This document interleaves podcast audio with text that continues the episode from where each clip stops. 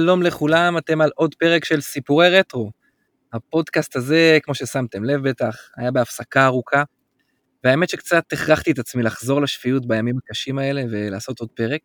אני אספר לכם שהייתי אמור לשחרר פרק שונה לחלוטין, שכבר היה בתהליכי סגירה סופיים, אבל אז פרצה בישראל מלחמה שבאה על רקע אסון גדול, והכל פשוט נעצר אצלי בתחום הזה של יצירה והתעסקות בפודקאסט. אז את הפרק ההוא עוד נעשה ונסיים כמו שצריך, אה, כשהפצעים קצת יגלידו. ובינתיים אפשר להתנחם באמת ברוח ההתנדבות העצומה שיש בעם שלנו. אה, מדברים על זה בכל מקום ובכל תחום, וזה ממש ממש נכון. לשמחתי ראיתי גם כמה יוזמות אה, כאלה בתחום הגיימינג, שממש אנשים עוזרים אחד לשני, ואחת מהן שממש נגעה לליבי, של יקיר ישראל. את יקיר הכרתי בקבוצות הרטרו השונות, וידעתי שהוא עובד כבר הרבה שנים על משחק בשם עלילות הדרואיד. הוספתי אותו לוויש-ליסט בזמנו, ומדי פעם הצצתי בתוכן שהוא שיתף, ושמחתי שמשחק כזה, שמתכתב עם רטרו, בא לעולם. ואז מספר ימים אחרי השבת השחורה, יקיר בחר לחלק עותקים בחינם של המשחק לכל דורש. אה, פשוט כדי לעשות אנשים, לאנשים קצת טוב על הלב, ולעזור להם לעבור את הימים האלה, אחרי שהוא השקיע במשחק הזה באמת הרבה מאוד. אה, מה שלומך יקיר, הכל בסדר? קודם כל שלום, שלום אלעד, תודה רבה על האירוח. אני כרגע בסדר גמור. עברנו, אסון לא פשוט, ובתקווה שיהיה לנו זמנים טובים יותר. גם אני מקווה ככה.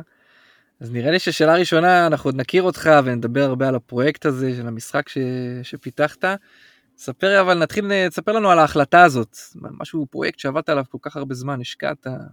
אה, ספר איך, איך התקבלה אצלך ההחלטה לחלק את זה בחינם.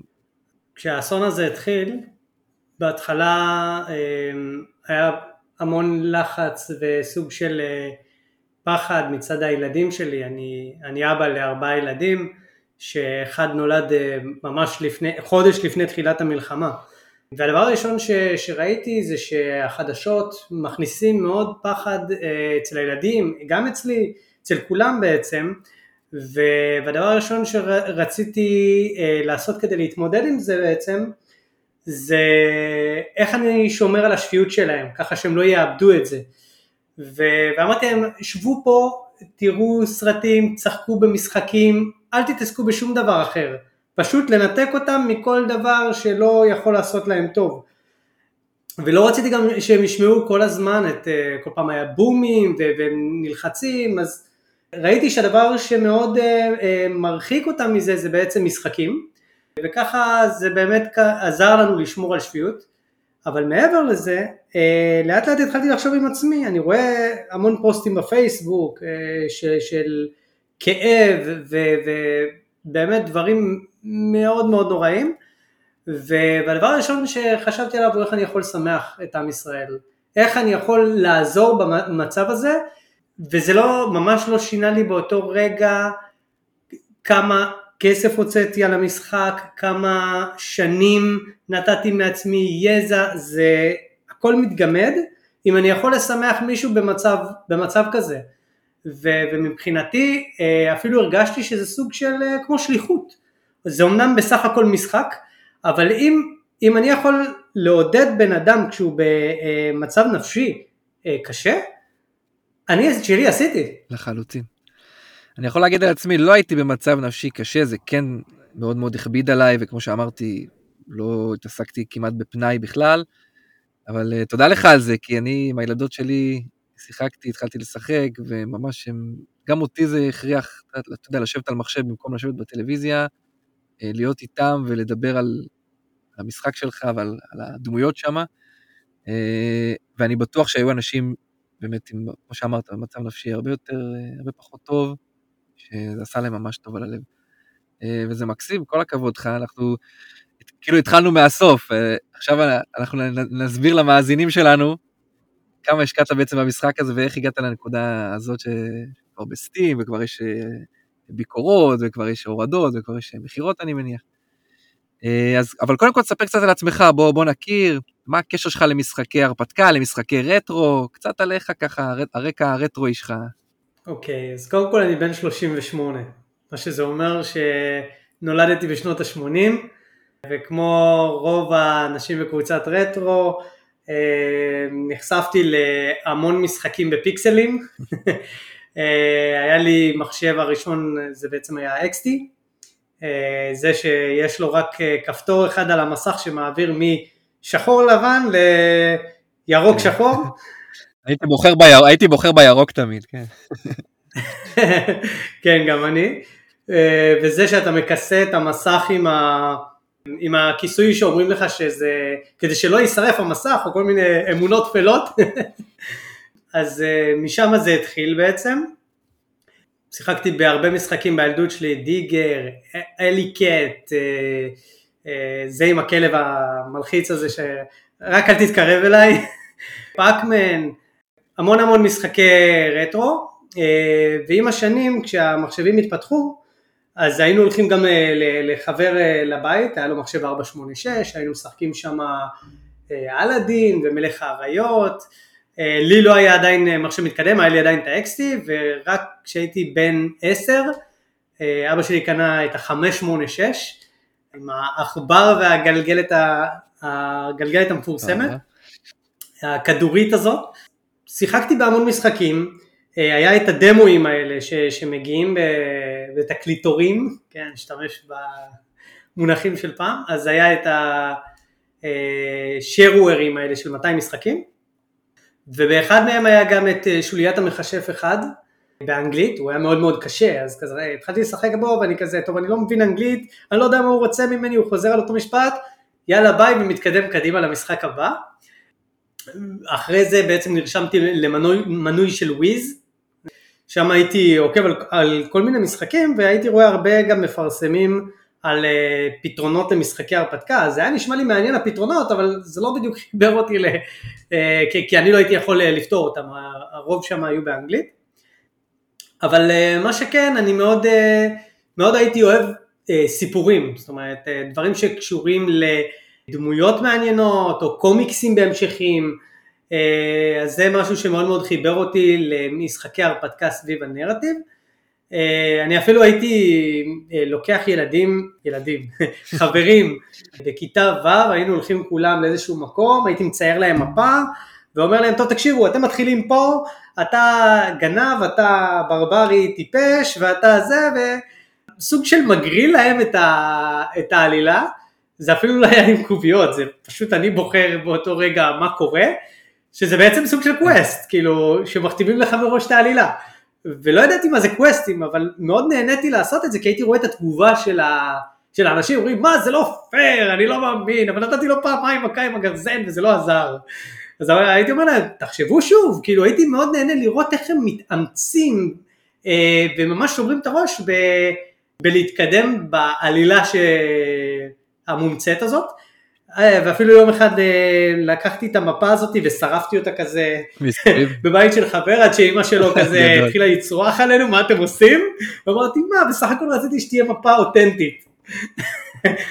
אז זה מה שחיבר אותי בהתחלה לסיפור וזה עדיין לא היה נקודה שבה התחברתי למשחקי הרפתקה כי כמו שאמרתי האנגלית שלי לא הייתה חזקה.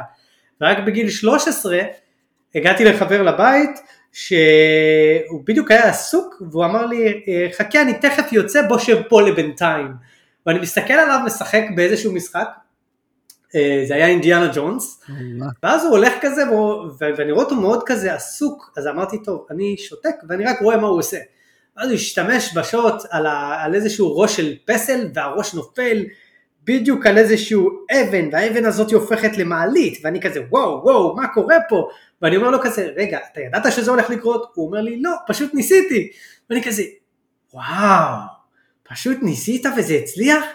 ואז אני רואה אותו תוך כדי מתקדם, ואני כאילו, הראש שלי, רגע, זה בעצם כל מה שהייתי מספר לילדים, רק על מסך. אני לא מאמין שזה אפשרי. מדהים. ואז הוא אמר לי, אם אתה כל כך אוהב את המשחק הזה, אין בעיה, אני אביא לך אותו. אבל לא ראיתי את החבר הזה הרבה זמן, ואז היה לי יום הולדת ואמרתי להורים שלי, אני רוצה את המשחק הזה, אינדיאנה ג'ונס. אמרו לי, אין בעיה. בואו נקנה לך מתנת יום הולדת, נלך לחנות, נקנה, ולא היה שם את אינדיאנה ג'ונס, המוכר אמר לי, תראה, אין לי בדיוק את זה, אבל יש פה את אה, שוליית המכשף. ואני כזה, אוקיי, וזה בעברית, ואני כזה, יש, זה בעברית, סוף סוף אני אבין מה הם אומרים. גדול. אז מאוד התרגשתי מזה, ו...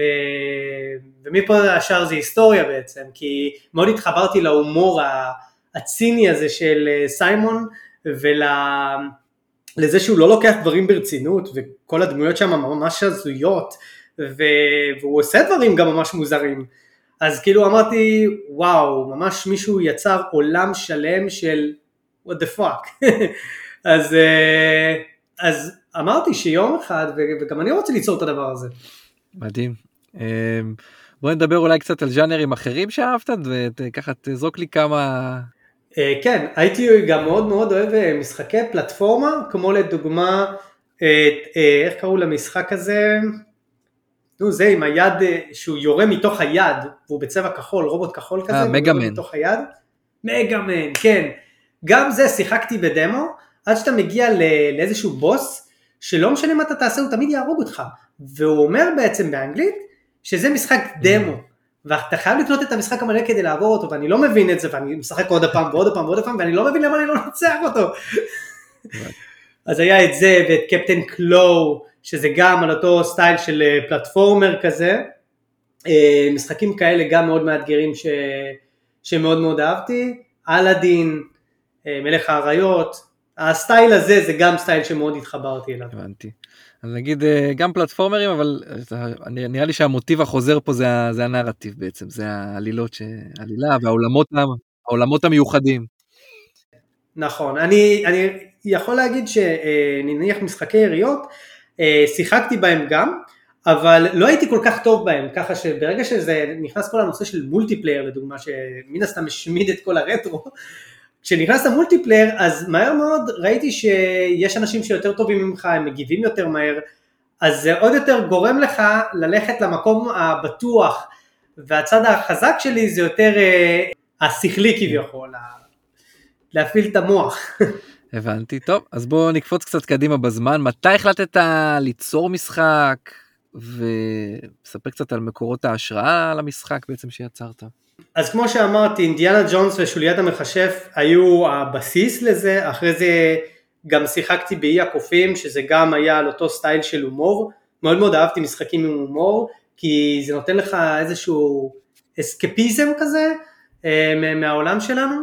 וגם גם הייתי קורא הרבה ספרים, בין אם זה הארי פוטר או, או מסתורין כמו ג'ינג'י, בתור ילד הייתי קורא הרבה ג'ינג'י, דברים שלוקחים אותך, בין אם זה מסתורין ובין אם זה הומור או עולם אחר משלנו, עולם הדיסק, דברים כאלה מאוד אה, אה, משכו אותי.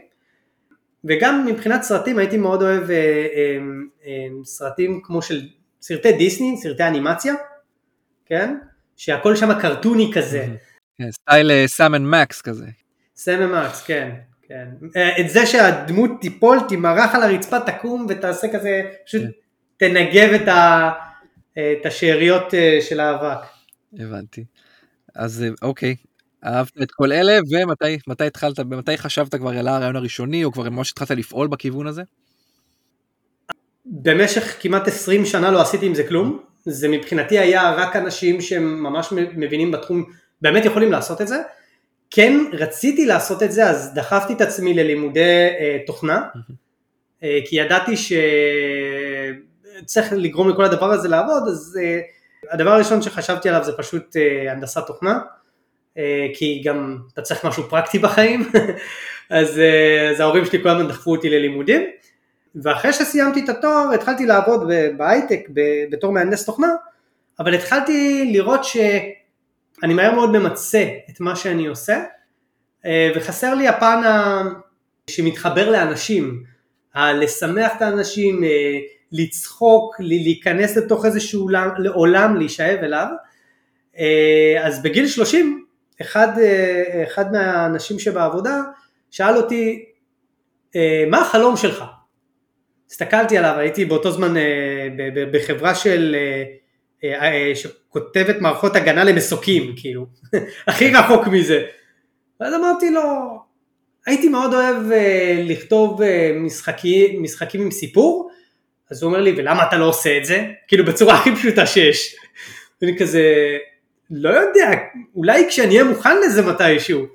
אז הוא אומר לי, מה זאת אומרת, זה יהיה מוכן, אתה תהיה מוכן לזה, כשאתה תתחיל לפעול, כשאתה תתחיל לעשות עם זה משהו. למה אתה לא עושה עם זה משהו?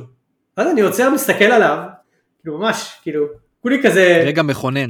פעור פה, כן, פעור פה כזה, ווואלה, אתה יודע מה, אני, אני מרגיש שאני יכול. אז uh, באמת התחלתי לנסות ליצור את הדבר הזה לבד, אבל הבנתי מהר מאוד שאני לא יכול לעשות את זה לבד. כאילו יש לי, אני אמנם יודע לתכנת, ואני צריך ללמוד איך לתכנת למשחקים, זה משהו אחד, אבל חסרים עוד הרבה כלים אחרים, כמו לעצב, לכתוב את הסיפור ולדובב, יש כל כך הרבה אלמנטים שמהר מאוד הבנתי שאני צריך אה, להקים איזשהו צוות. אז אה, אפשר להגיד שבערך בגיל 30 ככה, זו הייתה נקודת מפנה. אוקיי, okay, אתה יכול לספר, זה היה לך ברור מהרגע הראשון שהמשחק שתיצור זה הולך להיות אה, בז'אנר של point and click, של קווסטים, או שהיה לך אולי התלבטות אה, לגבי הז'אנר, ניסיונות מוקדמים לדברים אחרים, אה, היו דברים כאלה? אני גם מאוד אהבתי, מאוד אהבתי משחקים אה, כמו קראש בנדיקוט לדוגמה, אה, משחק שמאוד מאוד נהניתי ממנו, הוא אמנם לא רטרו, אבל היה בו, האמת שחלק כן, מגדירים אותו כרטרו, הוא עדיין היה כן. אז די כזה חשבתי על עצמי על משהו כזה, או אה, על משהו עם אה, יותר, אה, שיותר אה, משקף בעצם דמויות שאתה יכול להתחבר אליהן, כן? בסוף החלטתי שאני הולך על קווסטים. לא יודע אם זה צעד נכון או לא, כי זה, זה, זה, זה, זה ז'אנר מאוד מאוד קטן וקשוח מבחינת, אה, מבחינה, אני מדבר מבחינה כלכלית, אבל הוא מאוד מספק ברגע שאתה מגיע לשחקנים שנהנים ממנו. אני, אני, לדעתי, ברגע שאתה נוגע למישהו באיזושהי נקודה מסוימת, איזשהו דמות שהוא מאוד מאוד התחבר אליה, יש בזה משהו אפילו קצת יותר חזק מאיזשהו משחק שניצחת בוס כן. לדוגמה. זאת אומרת, יש פה אפילו עוד יותר על מה לדבר מעבר ל... יש איך, איך הבסתי אותו. אז... אה, מעניין, זה ממש... לא היה יותר מדי. זה ממש מעניין המקום הזה של הנתינה, כאילו לפתח משחקים כדי, מתוך מקום של נתינה. אותי קנית בקטע הזה. אה, אז יש לך היום, אה, צריך להגיד, סטודיו, נכון? סטודיו של, ש, שבו אתם מייצרים את, ה, יוצרים את המשחק. ספר קצת על ההקמה של זה, קצת אל מי שאולי חושב בעצמו, אולי יחווה פה רגע מכונן עם הפרק הזה והחליט גם לקפוץ למים. להקים סטודיו, קודם כל מן הסתם זה לא קורה ביום, וזה תהליך מאוד מאוד מאוד מורכב, אולי היום קצת פחות כי יש יותר כלים, אבל כשאני התחלתי, אני בהתחלה ניסיתי ליצור אה, שותפות עם אנשים מישראל, אבל ברגע שהבינו שמדובר בעבודה מאוד ארוכה וקשה, מהר מאוד אנשים כאילו ויתרו או שביקשו כסף, מן הסתם, הגיוני, אבל באותה תקופה עוד לא הייתי מוכן נפשית להוציא כסף, אה, וניסיתי ליצור שותפויות וזה לא הלך. אז, אה, אז אמרתי, טוב, אני מוכן לשים איזשהו תקציב מסוים כל חודש בצד. ואז באתי לאנשים אה, מהתחום, והם אמרו, לא, זה, זה, זה פער גדול בין, בין אה, כאילו, לשלם למישהו כל חודש, זה לא מספיק. Mm-hmm. והבנתי שאני לא, לא אוכל להתקדם ככה. אז, אה, אז אמרתי, טוב, אני חייב לצאת החוצה לחו"ל, ואיכשהו מצאתי את האתר פרילנסר. וואלה. אה, שזה בעצם אתר שאפשר להשיג דרכו פרילנסרים. זה לא קסם, צריך עדיין לדעת איך למצוא את האנשים האלה, איך לראיין אותם, איך לא לשרוף את הכסף שלך בצורה, על, על האנשים הלא נכונים.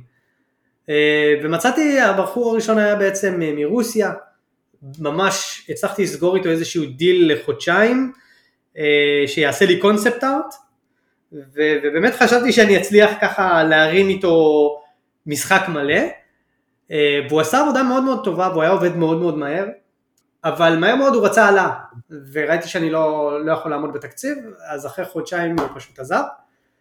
אחרי זה מצאתי סטודיו בהודו, שזה בעצם צוות, אז אמרתי איזה יופי, עכשיו זה כבר לא בן אדם אחד, זה כמה. אה, אממה, אה, המזרח עובד ממש בצורה מאוד שונה ממנו, התרבות שם מאוד שונה, קודם כל השעות הפוכות אז מאוד קשה להתנהל, אז רוב הזמן הייתי מתכתב איתם כזה בין הפסקות של עבודה או בדיוק איך שאני חוזר לבית, אה, אבל גם נושא של תקשורת מאוד מורכב, מורכבת כי הם לא תמיד מבינים אותך. הם אומרים לך בסדר בסדר ואתה כאילו ואז הם נותנים לך איזושהי תוצאה שלא קשורה למה שביקשת. ולבינתיים גם אם סגרת איתם איזשהו דיל שהוא fix כביכול אה, אז פשוט אתה שורף את הזמן שלך, אמנם אתה לא שורף את הכסף אבל הזמן שלך הוא גם לא פחות חשוב כי אם אחרי חודש אני יוצא עם איזה תמונה בודדת אני בבעיה כי ככה אני לא יכול לעשות משחק אז אחרי כמה חודשים פשוט ראיתי שלוקח לי המון זמן להתקדם, ואז חיפשתי מאזור של אירופה, ומצאתי אה, מישהו מגרמניה, וככה, איך אומרים, זה כמו איזשהו מסע כזה שאתה עובר קווסט בפני עצמו, למצוא את האנשים המתאימים. בסוף מצאתי אה, בחור מקנדה בשם מישל, הוא אף פעם לא עבד על משחקים, הוא צייר קומיקסים, אה, וזו הייתה הפעם הראשונה שלו, אבל ראיתי שהוא מצייר מאוד יפה, ראיתי את התיק עבודות שלו, והוא נכנס ככה ל... יחד איתי, ותוך כדי אני והוא לומדים ביחד איך ליצור משחקים, כאילו זה, זה, זה עקומת למידה של שנינו ביחד. אז, אז הוא היה, איך אומרים, הראשון ככה שנכנס, אחריו הגיע מישהו שעזר לי בכתיבה של התסריט, אה, שגם הוא מקנדה, אה, יותר כדי להתאים אותו להומור הבריטי, ולאחר מכן הצטרפו עוד אנשים, מדובבים, הרבה מאוד התנדבו, מדובבים התנדבו כשהם התחילו לראות אה, דברים קורים, אה, אחרי זה מתרגמים, היו המון המון המון אנשים שפשוט התנדבו, הם ידעו ש... שאין לי הרבה תקציב אבל הם מאוד אהבו את מה שהם רואים. איך, איך תקשרת איתם? איך כאילו מצאת אנשים כאלה שמוכנים? הייתי מפרסם בהרבה קבוצות בפייסבוק, בעיקר בפייסבוק, בקבוצות כמו point and click ורטרו. אה, ואז אה, הייתי משתף איזשהו סקרין שוט ואז אמרו לי וואו החזרת אותנו שנים אחורה. אנחנו רואים סוף סוף את הקווסטים חוזרים. תחשוב 2015 זה לא הייתה תקופה טובה לקווסטים כמעט ולא יצאו. ואז הנוסטלגיה הזאת מאוד עשתה פלשבק לאנשים שהם התחילו להגיד אני אשמח לעזור. אז זה מאוד, זה מאוד uh, עזר לי ככה להתקדם. ואחרי זה בעצם נכנס גם מלחין שהוא גם סוג של שותף זוטר, אה, וככה זה בעצם, זה, זה איזשהו כדור שלג שרק הולך וגדל עם השנים, ולאט לאט אתה גם מוצא את האיזון, את האנשים היציבים, האנשים שאיתך לאורך זמן, כי לשמור על צוות לאורך זמן זה קשה. כן, אני גם מניח שאין לך עדיין הכנסות כאילו בתקופות, בתקופה הזאת. אין, אין, אה, ההכנסות הן נמוכות, אה, אבל אני הייתי עובד מדי פעם או במשרה מלאה או במשרה חלקית, גם בהייטק. אה, וכמו שאמרתי יש לי משפחה, אה, התחלתי עם שתי ילדים באותה תקופה, הייתי צריך גם לפרנס משפחה אז אה, זה גם לא פשוט, אז כל פעם הייתי פשוט מפריש וממשיך לעבוד כזה עם אמונה של יהיה בסדר, פשוט בלילות עובד עד 3-4 לפנות בוקר, קם הפוך לעבודה, עובד, חוזר, אוכל משהו ויאללה מתחילים, אני לא ראיתי את זה כעבודה כי מבחינתי זה הייתה תשוקה. מדהים. אוקיי. טוב נראה לי שלא שעוד לא דיברנו על המשחק עצמו בואו נדבר קצת על המשחק עצמו מה יש בו מה רצית לעשות בו ואיזה אתגרים היו לך בדרך אה, התלבטויות אתגרים אה, מעניינים.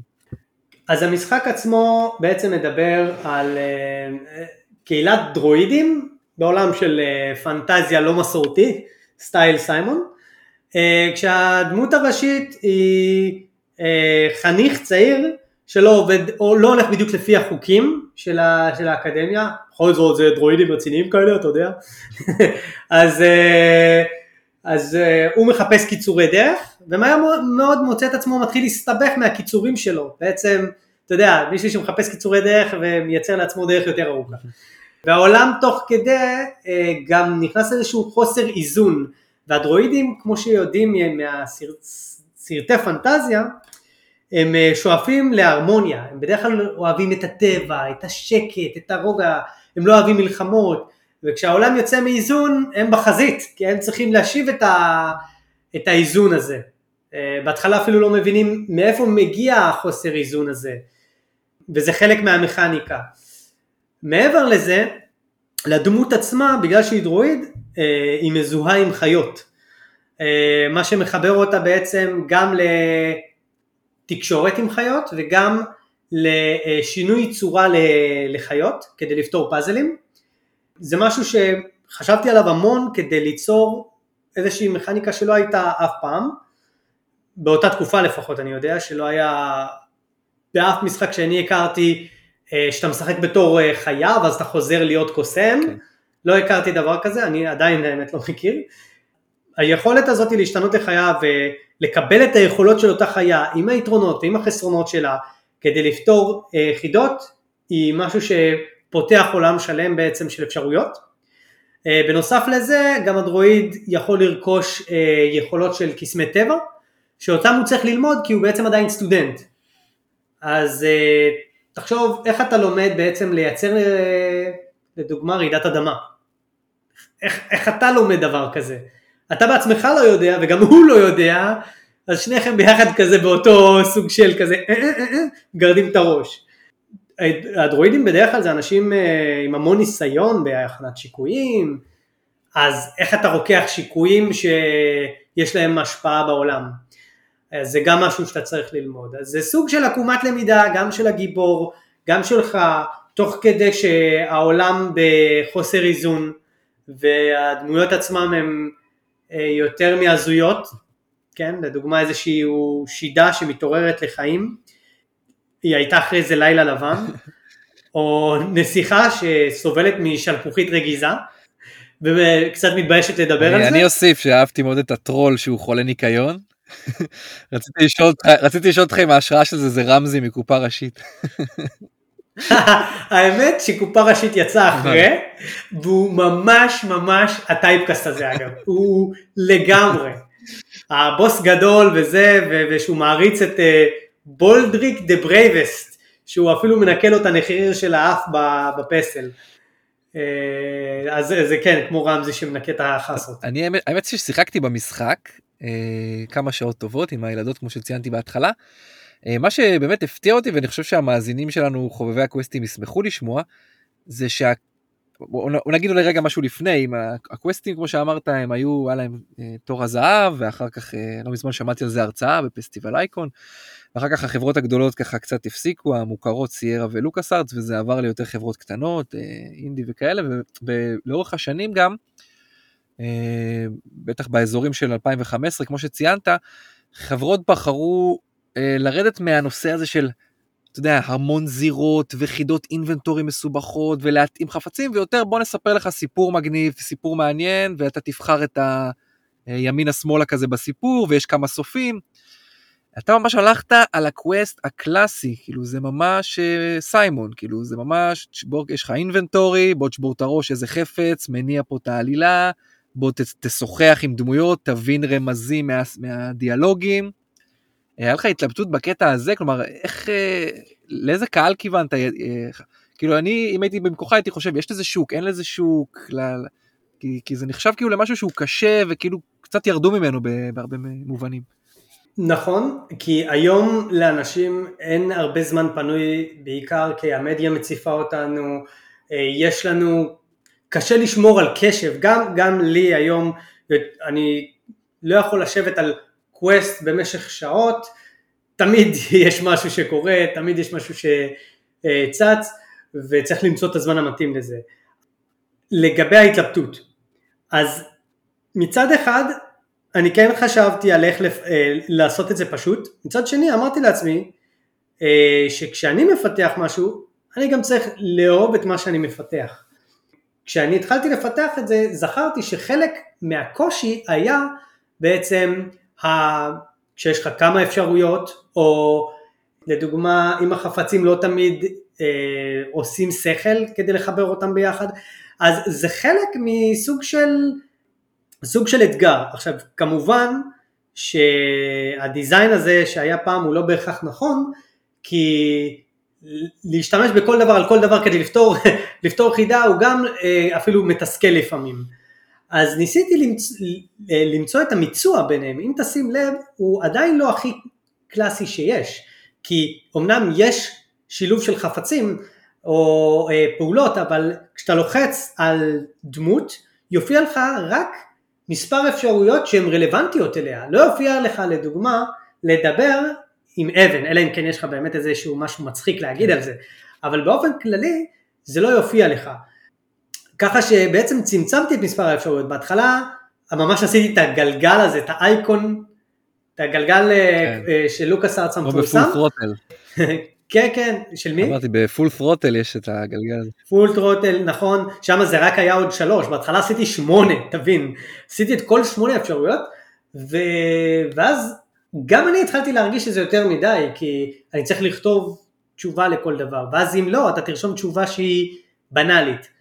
אמרתי, עצור, עצור סוסים, תחשוב גם על טובת השחקן. נכון, אתה רוצה מצד אחד ליצור את העניין שהיה פעם, מצד שני אתה לא רוצה לייצר לך עבודה וגם לשחקן להיות מתוסכל מלנסות שוב ושוב דברים, אז בוא נמצא את המיצוע ותעשה שיהיו מספר אפשרויות אבל עם, עדיין עם איזשהו הקשר ביניהם.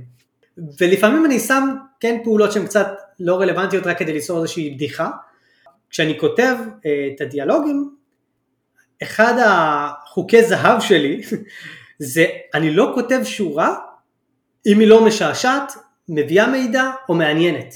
שזה אומר, אני לא רוצה להביא את המשפט I don't want to combine this with this, לא, אין סיכוי, כי השחקן עשה פעולה, התאמץ, בזבז את הזמן שלו במקום להתעסק בפייסבוק או בטיק טוק או whatever, לפחות תן לו איזה משהו שיספק אותו. נכון מאוד, אני חושב שככה התחילה השיחה בינינו, שמאוד מאוד התרשמתי באמת מהדיאלוגים במשחק, כי תראה, דיאלוגים זה משהו מאוד מאוד מרכזי בקווסטים, בקווסטים הקלאסיים, ותראה, שיחקתי לא מזמן במשחק בשם סיביריה. בפעם הראשונה הוא יצא בתחילת שנות האלפיים. מדהים, יפהפה, מוזיקה מדהימה, עלילה מאוד מאוד, עולם, עולם פשוט אה, עמוק ביותר. הדיאלוגים שם פשוט התישו אותי. כאילו זה היה החלק שהתבאסתי עליו במשחק. כי הם היו ארוכים מדי, וכאילו אתה, אתה תמיד אומר אני חייב לדבר כי אולי יש פה רמז בשיחה הזאת. אה, ולפעמים הם היו סתמים כאלה ולא היה בהם שום רמז וזה. ואצלך באמת שמתי לב, אני אגיד את זה על המשחק, לכל מי ששוקל לקנות או, או להתחיל לשחק, הרגשתי שבאמת השקיעו מחשבה וכל דיאלוג פה או שהוא מצחיק או שהוא מקדם אותי או שהוא נותן לי משהו או שהוא לא, פשוט לא ארוך מדי וכאילו וזורם. ואמרתי לעצמי וואלה היה פה בן אדם שהוא לקח את זה בטוח כפרויקט וגם uh, סחטיין על ההומור כאילו אתה, אתה לא זה אתה כותב קומי כאילו ברמה גבוהה והגעת ל... לרמה כזאת, היו שם, שם אחלה בדיחות, הצחקת אותי לא פעם. תודה, תודה רבה.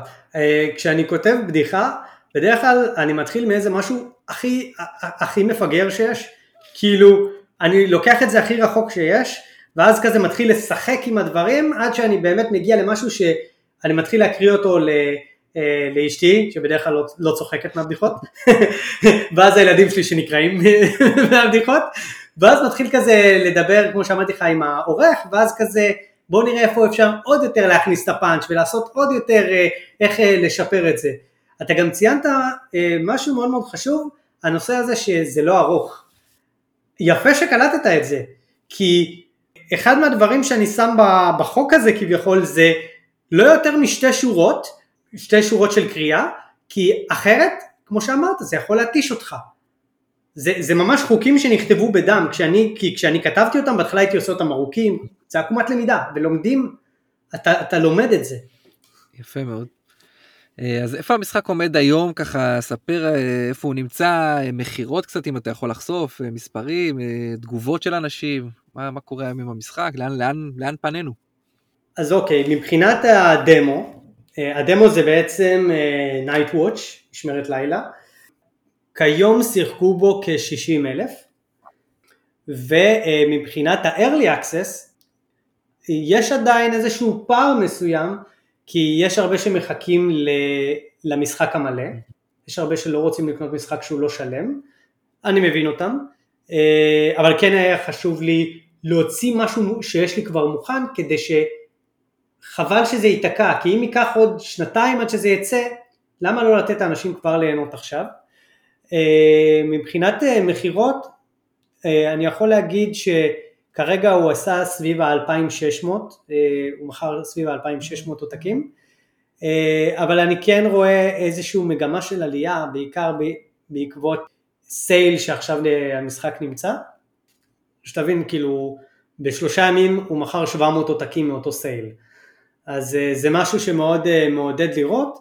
כמובן זה לא בכלל לא באותו היקף של אה, משחקים שהם מיינסטרים שמוכרים מאות אלפי עותקים, אבל אני כן מאמין שזה עניין של זמן עד שזה יגיע לאנשים, זאת אומרת, כמו שאתה שיחקת, נהנית, פשוט יש הרבה אנשים שלא מגיעים אל זה, פשוט זה, זה, זה נמצא אצלם או שהם לא משחקים, או שהם, זה עוד לא הגיע אליהם, ו, ואז זה נעצר שם, כי הביקורות הן ממש ממש טובות, אנשים מאוד מפרגנים על ההומור, על הרפרנסים, הם מזהים את הרפרנסים, על הנוסטלגיה, על, ה, על הדמויות, ממש כאילו כל הזמן שואלים אותי מתי יוצאים הפרקים הבאים. אמנם מבחינת ביקורות בסטים אולי לא רואים את זה, אבל אני כל, כמעט כל יום מקבל הודעות בפרטי, במיילים, מאנשים שממש רוצים לראות עוד, עוד מזה וזה מאוד מעודד, אז לדעתי אה, הנושא המכירתי הוא, הוא נטו שזה עוד לא הגיע לאנשים. כן.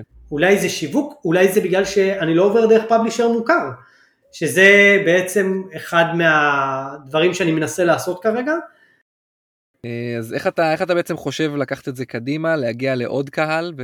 אז אה, אחד מהדברים שאני עושה היום, אה, במקביל לזה שאני עובד על הפרק השני, זה בעצם אני מחפש פאבלישר, כשהמטרה היא קודם כל זה להשיג מימון להמשך הפיתוח, כי עם התקציב שלי זה פשוט ייקח הרבה הרבה יותר זמן.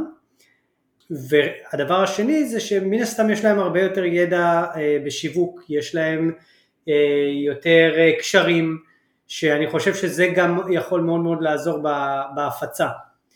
אז זה מה שאני עושה בתקופה הזאת, האמת שהמלחמה קצת כן. עושה נזק, כי כי הרבה אנשים כרגע, אתה יודע, לא, לא בדיוק רוצים לעשות עסקים עם ישראל במצב הנוכחי. לא, לא, לא שקיבלתי איזשהו ריג'קט אה, או משהו כזה, אה, פשוט אני עשיתי קצת אה, פאוז בשבועות האחרונים, כי הרגיש לי שזה לא זמן טוב, שלחכות טיפה לעבור את זה, ואז כשהעניינים קצת יירגעו. אז כן, זה, זה מבחינת אה, אה, מכירות, אני מאמין שזה מה שישפר, וגם גם הפאבלישר יכול לעזור בפורטינג, שזה עוד איזשהו יעד שהצבתי לעצמי, זה שבמידה ואני מגיע למצב שהמשחק שלם, לדחוף אותו לפלייסטיישן, לאקסבוקס, אה, לדעתי הוא יכול להשתלב שם יפה. אני באופן כללי לא אוהב לשחק קווסטים אה, במשהו שהוא לא מחשב, אבל יש הרבה אנשים שאוהבים את זה בקונסולות או במובייל, אז, אה, אז כן, אז היעד הבא יהיה קודם כל קונסולות ואחרי זה מובייל. להכניס את זה למסך קטן זה קצת אה, מאתגר הייתי כן. אומר. אבל יש כאלה שאוהבים לשחק בטאבלט נגיד. כן, כן, טאבלט זה עוד בסדר, טאבלט אה, לפחות אתה, אתה רואה את זה, על, על מסך של גלקסי או אייפון זה נורא. בסדר גמור. טוב, אני חושב ש... קודם כל, אתה יודע מה? אנחנו לקראת סיום. אני אגיד את ה take שלי על המשחק. שיחקתי כמה שעות, התקדמתי. באמת quest, אני אומר פה לכל המאזינים, גם אפילו מי שלא חובב הז'אנר, בואו, יש פה משהו כחול לבן. אה, תנו ניסיון על המשחק הזה, אה, בין אם זה בדמו, בין אם זה לרכוש, אני בטוח לרכוש. אה, המשחק הוא מאוד מאוד שלם, הוא quest קלאסי מצד אחד, עם הרבה, עם גרפיקה מודרנית, ועם, כמו שאמרת, בלי להעמיס יותר מדי מסיחי דעת וכולי. אה, דיבוב מצוין, לא דיברנו על הדיבוב, אה, מצחיק, אה, באמת באמת, העולמות הקלאסיים, סיימון משולב עם מנקי איילנד, אפילו משולב קצת עם גובלינים, גובלינים שלוש, ככה זיהיתי שם בחידות קצת כאלה. אה, אז אני מאוד מאוד, אה, אני מאוד מאוד נהניתי ומאוד מאוד ממליץ אה, לכל מי ששומע אותנו. וזהו, מה נאחל לך לשנים הבאות, יקיר, ככה לסיום? הדבר שאני הכי רוצה זה פשוט להמשיך את מה שאני עושה. שאני אוכל לייצר עוד משחקי, משחקי נרטיב, בין אם זה point and click או משהו סביב הנרטיב ו- ו- ו- ועולמות ודמויות ומשהו שייתן השפעה לאנשים, באמת, שאנשים ירגישו ש... אתה יודע, הם נשאבים לתוך איזה משהו וזה זה, זה הופך להיות חלק מהם, זה מה שאני רוצה, והכי הרבה זה באמת, זה שאנשים ישמחו בזה וייהנו. ברמה יותר פרקטית, כן הייתי שמח שהסטודיו הזה יהיה סטודיו בישראל, אה, אפילו במקום אה, פיזי ולא רק מהמשרד שלי, ככה ברימוט, אה, הייתי רוצה באמת לעבוד עם אנשים מישראל, להגיע ככה לפתוח את הבוקר, נכנס למשרד, בוקר טוב, ויאללה, עוש, עושים שמח. נשמע מדהים, אני מאחל לך שכל זה יתגשם. ממש תודה לך שבאת לפה ככה תחת אש, אפילו הייתה לנו פה אזעקה תוך כדי הפרק. בהצלחה בכל מה שאתה עושה. הפרק הזה, אה, אני אערוך אותו, הוא יעלה לספוטיפיי, ליוטיוב, לאפל, לאן שאתם לא רוצים.